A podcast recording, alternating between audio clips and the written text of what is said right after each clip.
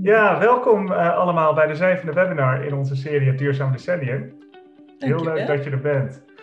Ja, je houdt je bezig met sociale en duurzame innovatie. Uh, en uh, ik heb begrepen, gebaseerd op een overtuiging dat alles wat we nodig hebben voor een groene, diverse en rechtvaardige wereld, dat dat al in ons zit. Vertel eens, hoe, hoe omschrijf jij jezelf? Ja, dat is best wel een moeilijke vraag, want ik ben natuurlijk heel erg veelzijdig. Dus hoe moet ik dat uh, omschrijven? Uh, hoe ik mezelf omschrijf? Uh, ik denk dat, eh, dat het. Ik begin gewoon bij mezelf als, als professional, als ondernemer.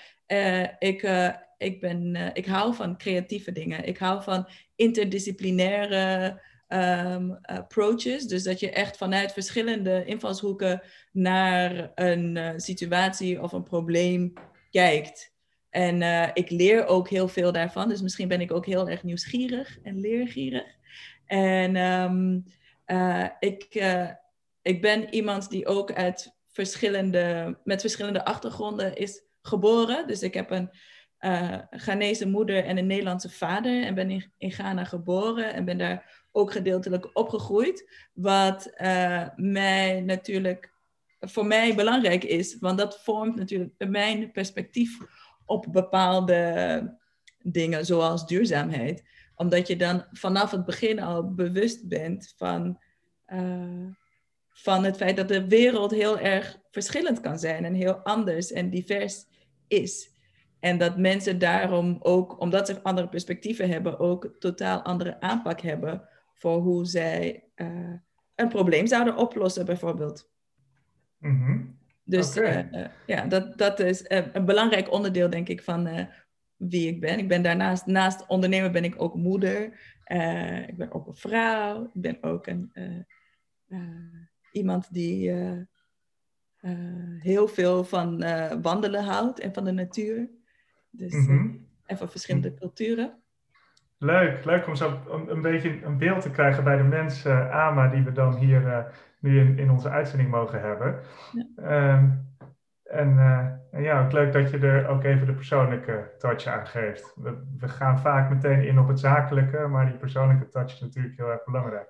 Ja, dat vind ik zeker nu vind ik dat heel belangrijk, omdat we nu allemaal achter schermen zitten en lange Zoom-meetings hebben. Vind ik het toch wel belangrijk om uh, persoonlijk te zijn, omdat je uh, omdat ik misschien stiekem bang ben dat, uh, dat personen steeds belangrijker worden als we steeds meer met uh, technologie gaan werken. Maar dat is een ander onderwerp. hmm. Alright. Zeg Ama, uh, maar als we, als we dan even naar, naar duurzaamheid gaan, hè, wat heeft jou doen besluiten om je zo in te zetten voor duurzaamheid? Ja, nou misschien moet ik. Um, eh, ook even zeggen dat ik um, co-founder ben van Dr. Monk. En Dr. Monk heb ik uh, opgericht met mijn compagnon en buurvrouw en schoonzus en vriendin uh, Lynn Zebeda. Mm Zij um, en wij zijn hiermee begonnen omdat we een ander perspectief of op een andere manier wouden kijken naar duurzaamheid. Dus wij willen heel graag naar een geheel kijken. In plaats van naar een stuk duurzaamheid als een stukje van een verhaal, vinden we duurzaamheid. We zijn heel erg geïnteresseerd in een holistisch aanpak. En waarom willen we dat? Uh, dat is iets wat wij heel erg misten, allebei, in de informatie die we zochten en in ons, uh, ook in ons onderwijs. Uh, ik heb zelf een, een achtergrond in sociale wetenschappen en international development studies. En um, we vonden dat, dat er echt een probleem is als je in disciplines gaat denken en niet gaat kijken naar hoe alles met elkaar verbonden is. En uh, uh, vaak zijn we bang om te kijken naar de verbanden tussen dingen, omdat, wij, omdat je dan de draad een beetje kwijt kan raken. Want, want ja, alles is verbonden en dus, waar moet je dan beginnen? Wat moet je dan doen? Maar als je dat niet doet, dan uh, krijg je alleen maar een stuk van een verhaal. En als het gaat om duurzaamheid, gaat het natuurlijk, tenminste voor mij, gaat het dan niet alleen om um, ehm, CO2-uitstoot of alleen om uh, groen. Dat is een belangrijk onderdeel ervan. Maar voor mij is duurzaamheid de basis van alles. Dus um, ehm, wij leven op een aarde en wij zijn onderdeel van een levend systeem.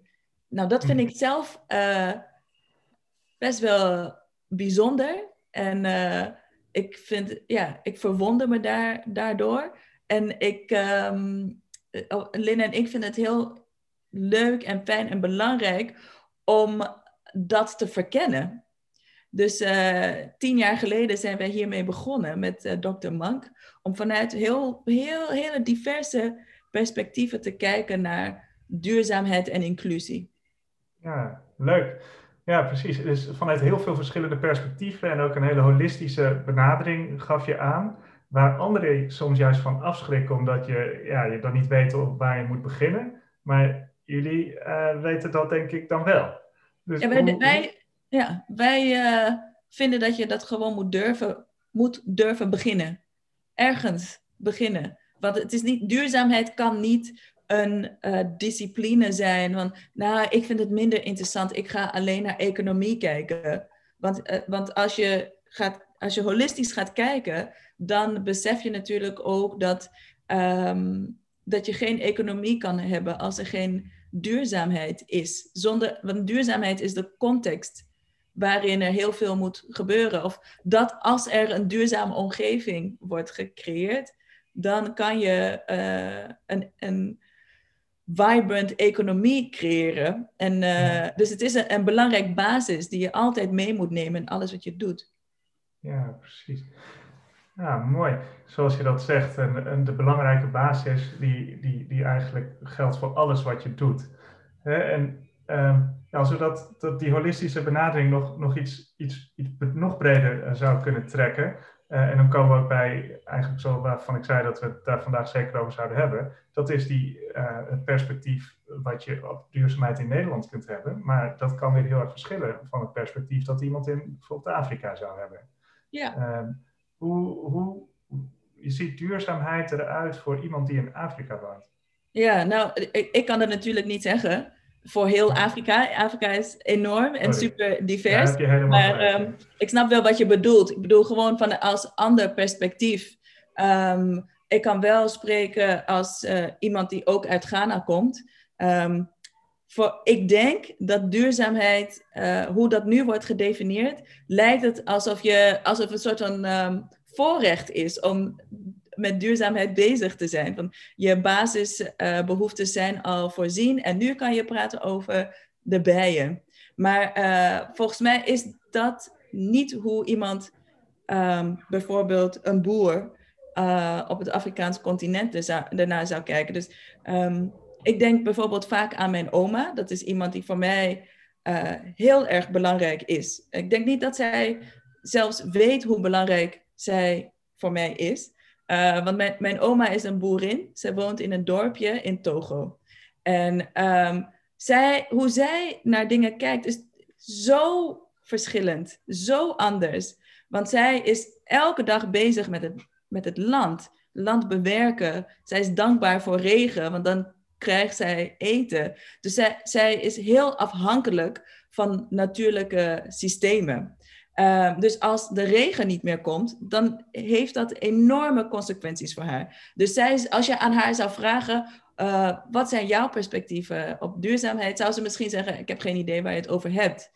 En dan, en, en, maar dan is de vraag, dan heb je niet de juiste vraag gesteld aan haar. Want zij is eigenlijk elke dag bezig met duurzaamheid, uh, door een simpele leven te leiden. Um, en mijn, mijn oma, die uh, leeft in een, uh, in een dorp of in een, in een gebied waar er heel veel uit wordt gehaald. Dus het idee van extractie is heel belangrijk voor een duurzaamheidsverhaal. Dus als je in een Afrikaanse uh, context leeft, of in een Ghanese, ik hou het gewoon bij Ghanese context, leeft, dan zie je de hele tijd dat je produceert voor een grotere wereldeconomie en dat je de hele tijd minder krijgt dan wat er op eh, de wereldmarkt gekregen wordt. Dus als, als we heel specifiek naar cacao kijken bijvoorbeeld, uh, een boer in Ghana verdient per dag misschien 20 cent per dag. En uh, je hebt een cacao- of chocolade-industrie van 100 miljard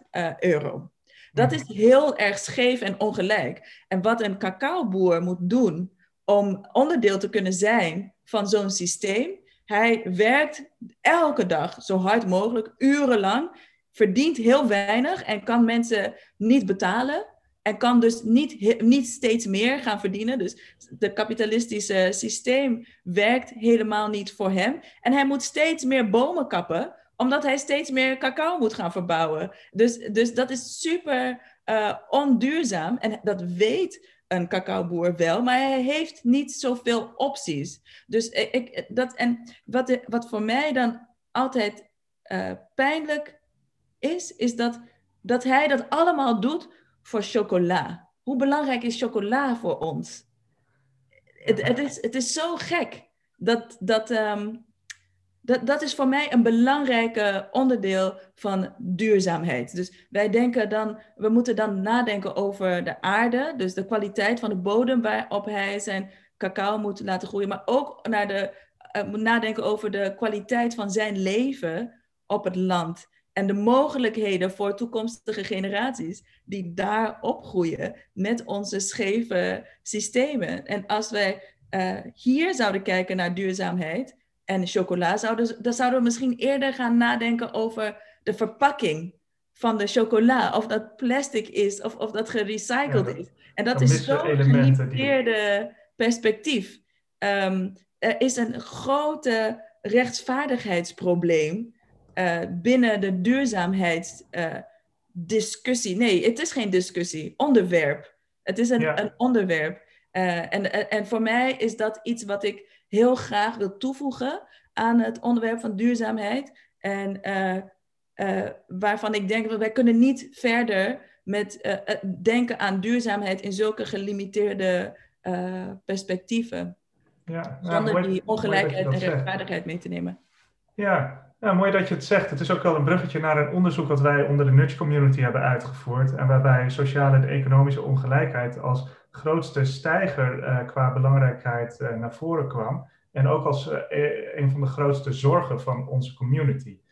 Ehm, wel, wel interessant is dan ook een andere uitkomst waarin we aan hen vroegen welke, welk thema verwacht je positieve verandering op. En daar stond deze dan helaas wel weer heel erg laag op dat lijstje. Herken dus jij dat? verwachten niet dat het positief verandert? Nee, de verwachting is dat, het, dat, dat positieve verandering laag is. Ja. ja. Dat is wel heel erg jammer. Uh, want ik, uh, we, we, hebben natuurlijk even voorgesproken en toen hadden we het bijvoorbeeld ook over uh, de verbinding tussen, ik noem maar wat, klimaatverandering en, en deze sociale ongelijkheid. Ja. Hè? Hoe kijk jij daarnaar? Nou, eh, dat, ik bedoel, dat, dan zie je weer, het is eigenlijk nog erger. Dus um, daar uh, heb ik weinig positiefs over te zeggen, jammer genoeg. Want um, als je kijkt naar de oplossingen die we nu hebben, dat zijn vaak technologische oplossingen. En omdat het nieuwe, innovatieve oplossingen zijn, zijn dat ook vaak dure oplossingen of responses. En heel erg gelimiteerd. Dus um, als je kijkt naar, we gaan terug naar mijn oma bijvoorbeeld. Ehm, als, eh, als de regen niet aankomt wanneer, het, eh, wanneer zij haar zaadjes heeft geplant, dan heeft zij geen eten. Daar, uh, dat heeft heel veel te maken met de CO2-uitstoot die wij hier in het Westen hebben gegenereerd. Dus de mensen die een probleem veroorzaken, um, die, dat zijn niet de mensen die de hoogste prijs betalen voor uh, klimaatverandering. En, en bijvoorbeeld, wij praten eigenlijk nog steeds, of te vaak, over klimaatverandering als probleem die zich gaat manifesteren in de toekomst. Maar voor iemand zoals mijn oma is dat nu een probleem. Het is dat zij niet de taal heeft om te zeggen van dit is klimaatverandering. Maar uh, zij heeft te, te, maken met heftige uh, problemen met regen. Regen die alles uh, verpest voor haar. Want als het regent, regent het veel te hard of het regent niet. Dus zij heeft echt een probleem met droogte. Of mensen aan de kust die de kust zien verdwijnen. Gewoon, ik, er zijn stranden waar ik naartoe ben gegaan die niet meer bestaan. dat, dat is nu, dat wordt allemaal nu weg, weggespoeld. en, en, en you know, stukken van ons land, zeg maar, die, die, worden weggespoeld. Dus, dus, um, en wat we, hebben wij in Ghana gedaan om dit te veroorzaken? Eigenlijk best weinig. Dus de, als je kijkt naar een systeem en de oorzaak en de CO2-uitstoot hieromheen, um, uh, is dat, de, de, ja, dat, dat klopt eigenlijk niet. En als je kijkt naar de oplossingen waar wij nu mee bezig zijn, um, zijn die oplossingen vooral voor hier. Dus als je kijkt naar, er zijn wel hoopvolle uh, uh, ontwikkelingen. Bijvoorbeeld de solar panels. Je hebt de microgrids nu. Dus je hebt steeds meer rurale gebieden die de microgrids gebruiken. Maar um, dat, dat is nog niet genoeg. Het gaat nog niet ver genoeg. Dus daarom denk ik echt dat er een probleem is rondom rechtvaardigheid en hoe je het definieert. Hoe definieer je duurzaamheid? Hoe definieer je de problemen rondom klimaatverandering? En, en dat definieert natuurlijk uh, uh, waar je in gaat investeren uiteindelijk. Um, dus ja, dat, dat is hoe ik er naar kijk. Nou, ik vind het wel mooi en het sluit aan bij een paar vragen die we binnen hebben gekregen. Ik, uh, ik schakel daar dan nu even naar. Om te beginnen een vraag van Jan die vraagt: wat zou een goede manier zijn om dat element van rechtvaardigheid meer onder de aandacht te krijgen? Ja. Ja, ik denk dat, dat, we, dat we gewoon steeds vaker dit moeten bespreken. Dus dat je, dat je niet alleen in duurzaamheidskringen dit moet gaan bespreken, maar, maar echt moet gaan mainstreamen dat, dat, het, dat we in een ongelijke wereld leven en dat die fundamentele dingen moeten gaan veranderen. Dus uh, als je kijkt naar bijvoorbeeld uh, ontwikkelingssamenwerking. Al jaren, tien jaar lang, minstens tien jaar, zeggen mensen: uh, we moeten stoppen met ontwikkeling. Hou op met al dat geld geven aan corrupte uh, overheden. Oké. Stop. Uh, hou daarmee op. Want um, dit is zo ingewikkeld.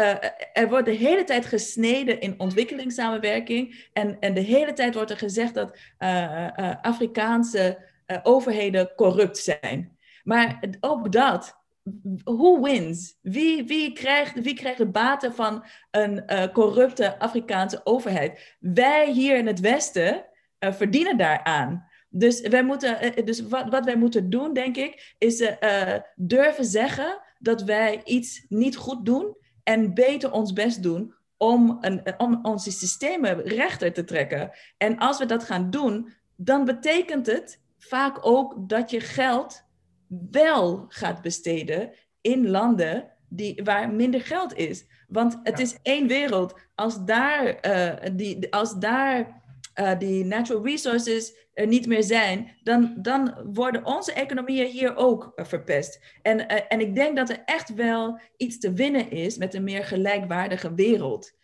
ik denk niet dat de, de, dat, dat de economie, de groei van de economie hier per se moet betekenen dat andere economieën nog steeds voortdurend op een heftige manier worden onderdrukt. Dus wat we moeten doen, eh, het klinkt misschien heel simpel, maar het is best wel moeilijk. En dat is echt onze perspectief uh, veranderen. Ja, ja exact. Nou ja, dat, dat is, dat die boodschap die je zegt, heb je nu een paar keer gesteld. En ik denk dat een hele belangrijke is die wij uit dit gesprek mee zullen nemen.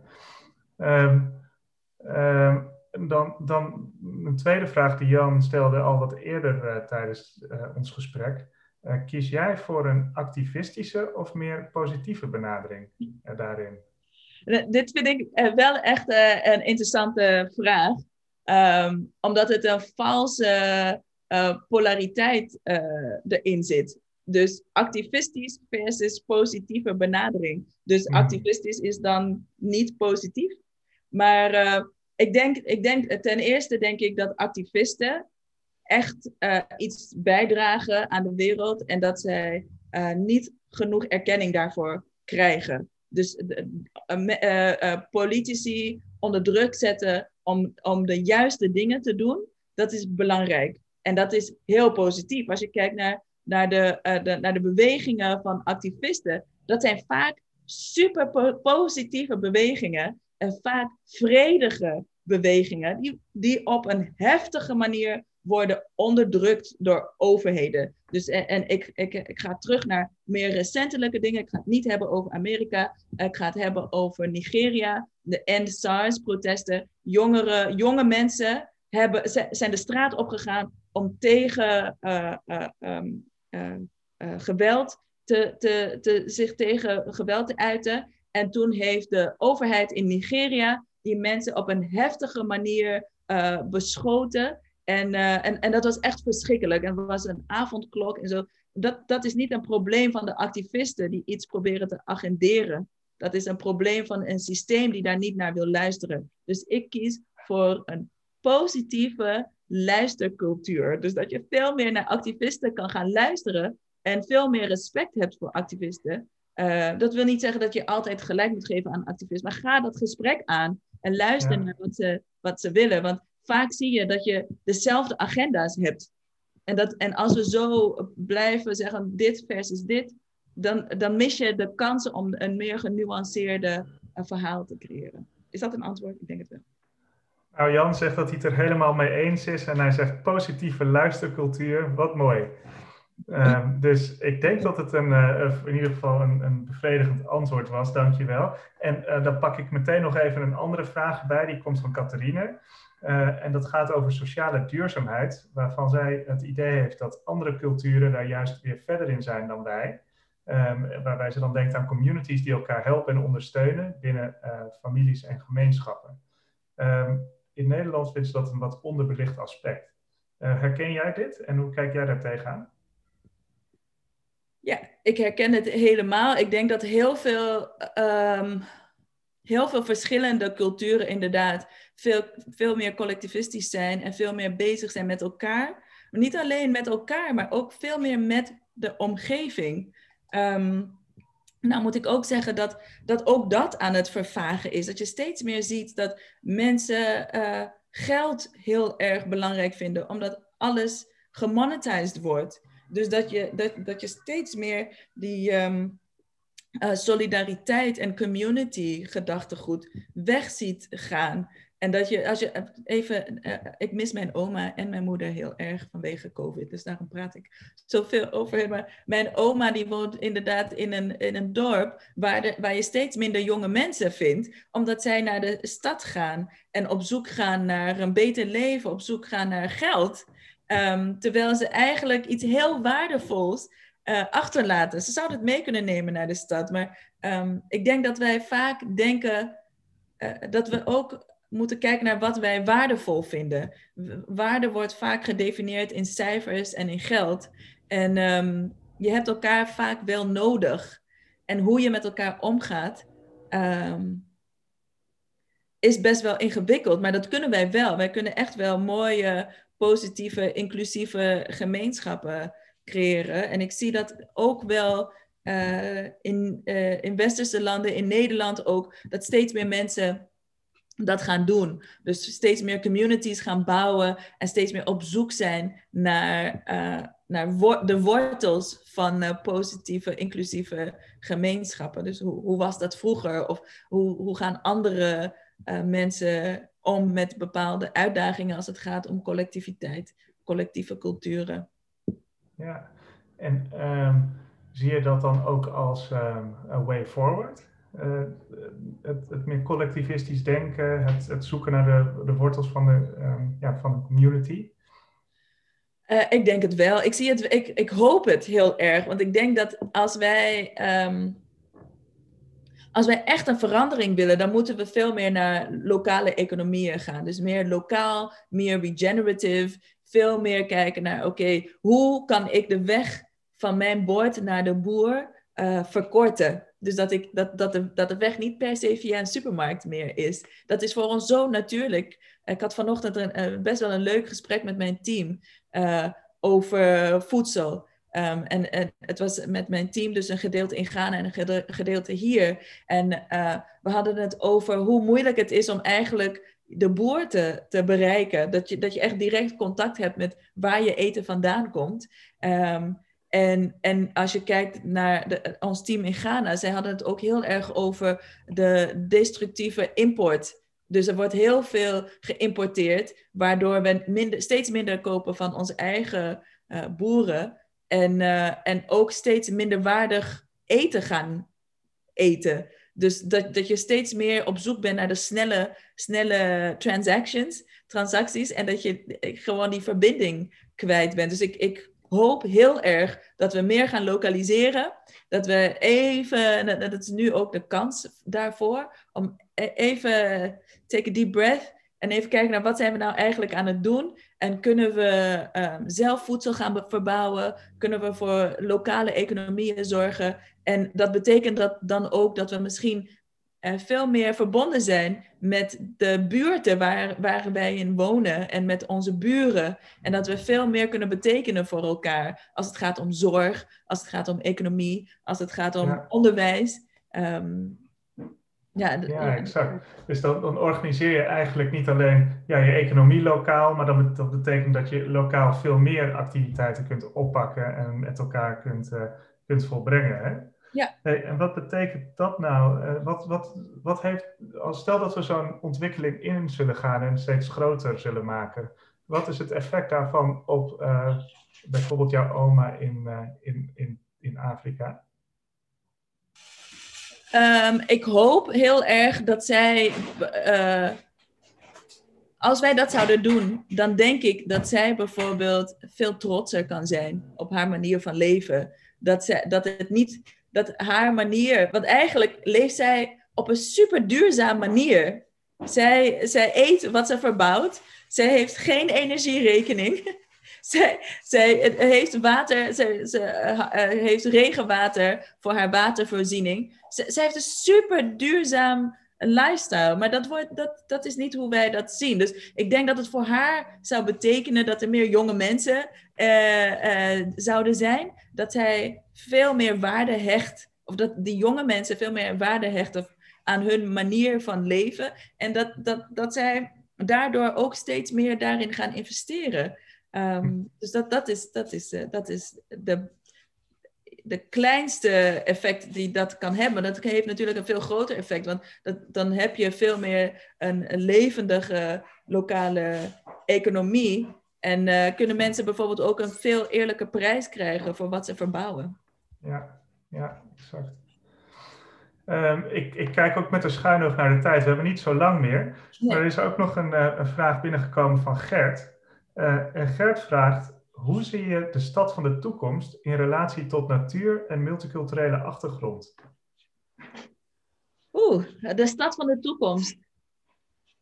Eigenlijk hoop ik dat de stad van de toekomst niet meer zo centraal staat. Dat, dat wij veel diversere uh, manieren gaan uh, vinden om samen te leven. Dus dat je, dat, dat, dat je niet meer zulke volle steden hebt. Dat hoop ik heel erg dat is niet nu per se de trend. Dus uh, dit is veel meer fantasie dan gebaseerd op, uh, op bewijs of zo. Um, maar um, dat, je, dat, je, dat die steden niet meer zo druk zijn. Dat, dat, dat, dat je veel meer verschillende activiteiten in de stad hebt. Dus bijvoorbeeld veel meer landbouw in, in de stad. Um, dat onderwijs veel meer verbonden is met wat er lokaal gebeurt. Dus, dus wat er op scholen gebeurt, is een duidelijke reflectie van wat daar buiten gebeurt. En dat dat, dat, dat met elkaar samenhangt. Ik denk dat er eh, op sommige vlakken dat onderwijs nog niet helemaal gemoderniseerd is, zeg maar. Of nog niet is waar de maatschappij is. Um, en ik denk dat het super divers wordt. En uh, en uh, met uh, zo divers, divers, dus veel meer dan alleen je uh, culturele achtergrond, maar ook je identiteit, de LGBTQI, dat je veel meer kan zijn en dat je daardoor um, niet alleen gaat nadenken over mannen en vrouwen. dus, dus LGBTQI uh, biedt natuurlijk veel meer mogelijkheden voor wat je kan zijn. Niet alleen in, in identiteit, maar ook hoe mannen en vrouwen zich tot elkaar verhouden. Dus um, ja, het is best wel een grote vraag als je het hebt over multiculturele achtergrond. Ja, ik denk dat er, um, dat er bepaalde vormen van migratie steeds meer door zullen gaan, ook vanwege klimaatverandering. En um, En dus dat je super diverse steden hebt, maar hopelijk ook met veel meer lokale economieën die veel meer uh, regenerative zijn. Ja. exact. Nou, het is natuurlijk een hele grote vraag, hè? maar ik vind het ook wel mooi hoe je hem dan eigenlijk zo meteen behandelt, waarbij je er ook zaken als onderwijs bij haalt en, en, en andere. En dat, dat laat ook wel weer de holistische benadering zien waarmee je uh, aan het begin uh, van dit, dit gesprek jezelf eigenlijk min of meer introduceerde. Dus ook daar gaat het er heel erg om het bezien van verschillende kanten, het meenemen van perspectieven die misschien wat minder belicht zijn en, en op die manier ja, naar de toekomst kijken. Ja. Mooi. Zeker. ik zie dat, het, dat, dat we door onze tijd heen zijn. Ik zou nog één vraag willen stellen als je dat goed vindt. En dat is eigenlijk uh, ja, een, een afsluiting. Uh, stel dat je één boodschap aan de kijker kunt overbrengen. Uh, welke boodschap zou dat dan zijn?